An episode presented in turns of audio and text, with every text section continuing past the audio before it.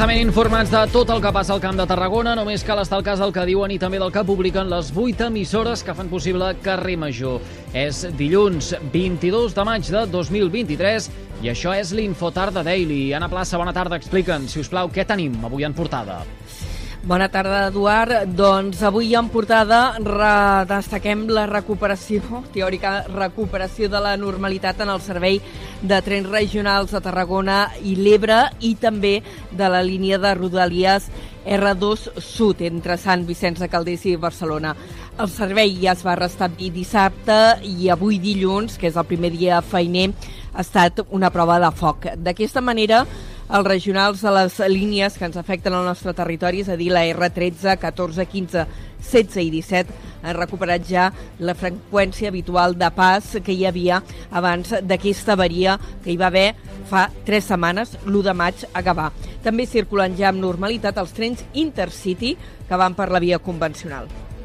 La recuperació de la normalitat a les línies de regionals i l'R2 Sud va coincidir amb una nova incidència. En aquest cas es va produir divendres al vespre entre les estacions de Vilaseca i Torredembarra. I ho destaquem perquè ha sigut una avaria important, amb molta afectació pels passatgers, una avaria a la catenària i el sistema d'electrificació va tallar la circulació entre aquestes dues estacions, eh, Vilaseca i Torre d'Embarra, cap a tres quarts de nou del vespre de divendres es van veure afectats tots els trens de les línies regionals i també la línia de Rodalies de Tarragona RT2. Aquesta és la línia que va de Salou a l'Arbós. I, de fet, van ser els passatgers d'un d'aquests trens de Rodalies de Tarragona que es van quedar fins a 3 hores tancats dintre del comboi i van haver d'esperar, atenció, fins a les 2 de la matinada per poder agafar un altre tren. El portaveu de Renfe, Antonio Carmona, explicava amb aquestes paraules els detalls d'aquesta incidència. Uh, va haver una falta d'atenció de Torre, Torre d'Embarra i Vilaseca, es van quedar dos trens aturats en trajecte, nosaltres el que vam fer, vam poder retrocedir un fins a Tarragona, l'altre que estava a la sortida de Tarragona, costat Torre d'Embarra, vam analitzar diferents eh, possibilitats amb Mossos i evacuar-los a peu, però ja zona de pedra, esperar-nos a que ens vinguessin una via per posar un tren paral·lel, poder transbordar-los i retrocedir-los a Tarragona, és una situació molt complexa, eh, totalment sobrevinguda. Protecció Civil, arran d'aquesta avaria, va activar la fase de ple alerta del Pla d'Emergències Ferrocat, que no es va poder desactivar fins passades les 3 de la matinada de dissabte. Més coses. Pimec demana que el Fons de Transició Nuclear beneficiï també les empreses del territori. Són paraules del president de la patronal de les eh, petites i mitjanes empreses a Tarragona, en Jordi Siuraneta, que creu que a més de treure noves inversions, aquest pla de recuperació econòmica també ha de servir per ajudar a consolidar i fer créixer negocis ja existents. Però també a la vegada necessitem que creguin molt més que la solució passe per les empreses i sobretot les empreses que ja són al territori perquè si una persona té dos treballadors en pot tindre 4, si en té 4 en pot tindre 8, de 8, 16, etc etc. Això pot anar escalant. Nosaltres que sabem que el teixit és de micro i petita empresa necessitem que realment aquí qualsevol dels projectes que es puguin presentar es puguin impulsar. Per la seva banda, els sindicats, com la UGT, demanen que els llocs de treball que es creïn, que es generin amb el fons de transició nuclear, siguin de qualitat. En successos, desarticulada una organització dedicada al cultiu de marihuana amb ramificacions a Tarragona i Barcelona.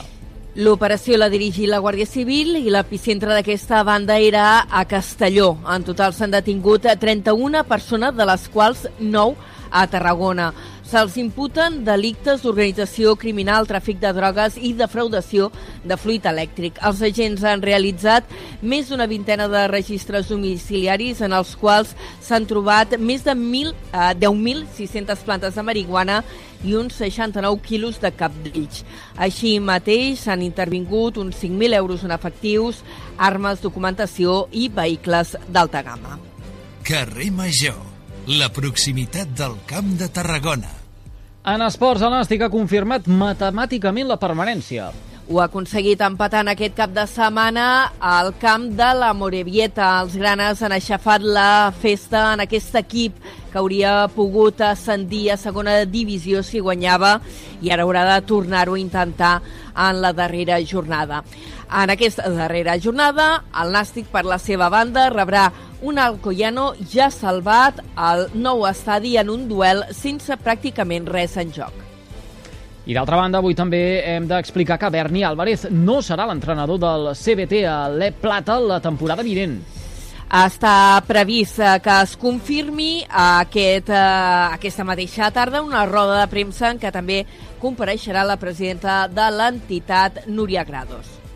I d'altra banda, en clau cultural els hem d'explicar que Tàrraco Viva ha culminat aquest cap de setmana amb un balanç positiu per part de l'urbanització. L'organització espera millorar eh, la xifra de públic, encara estan acabant de comptabilitzar respecte a l'any passat, amb la recuperació d'espais com el Camp de Mart o el recinte firal. I entre els reptes de futur destacar la voluntat d'enfortir el programa d'actes entre setmana. Magí Serijol, Magí Serijol, que és el director de Tarracoviva, s'ha mostrat molt satisfet de la rebuda que hi ha hagut per part del públic.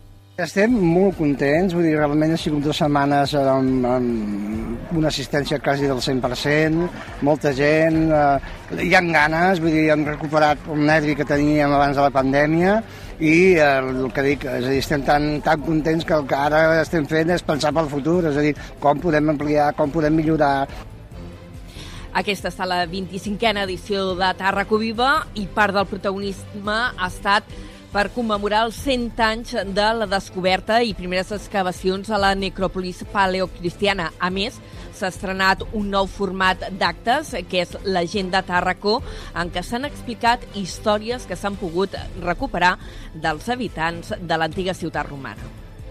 I a més a més, avui també hem de destacar l'escriptor mallorquí Joan Antoni Serrató Rosselló, que s'endú el 23è Premi de Traducció Vidal Alcover de Tarragona. I és que aquest cap de setmana s'han lliurat també els Premis Literaris Ciutat de Tarragona, el més important de tots, però almenys en dotació econòmica, que és el Premi de novel·la Pini Soler, ha quedat desert, tot i que s'hi havien presentat 118 propostes. Carrer Major, fent camp de Tarragona. Dit tot això, coneguem quin temps ens espera de cara a les properes hores i connectem amb el Servei Meteorològic de la xarxa de comunicació local. Lluís Mi Pérez, hola, molt bona tarda. Estem tenint una jornada completament primaveral. Ha començat el dia amb molts núvols, han anat caient ruixats a moltes comarques, no gaire quantitat d'aigua en qualsevol cas, i ja la tendència de les immediates hores és que es vagin obrint moltes clarianes arran de mar, sobretot a les comarques de Girona i Barcelona, fins i tot acabarà fent un bon sol en alguns moments aquesta tarda. En canvi, cap a la Catalunya central, les comarques de Lleida, gran part del Pirineu, molts núvols encara i alguns ruixats, locals, amb alguna tempesta, però no estarà plovent tota la tarda. Amb més possibilitat de pluja a les comarques del nord de Lleida, també a l'interior de les Terres de l'Ebre. I la tarda que et portarà aquestes temperatures força confortables. El dimarts començarà el dia amb força núvols a les comarques de Girona, amb algun ruixat, a la resta més clarianes, i en canvi durant la tarda sobretot serà a la Catalunya central, Pirineu i Lleida, on tornarem a tenir algunes tamborinades. Per tant, temps dinàmic. Ho anirem seguint a la xarxa. Ara sí, doncs ho deixarem aquí a la plaça. Gràcies per aquesta pinzellada informativa amb el més destacat de la jornada al Camp de Tarragona. Fins després. Fins després. I tots vostès poden recuperar l'info Tarda Daily d'aquest dilluns 22 de maig mitjançant les xarxes socials de les 8 emissores que aquesta tarda passegen plegades pel carrer Major, així com els seus respectius serveis de ràdio a la carta. Gràcies per seguir-nos.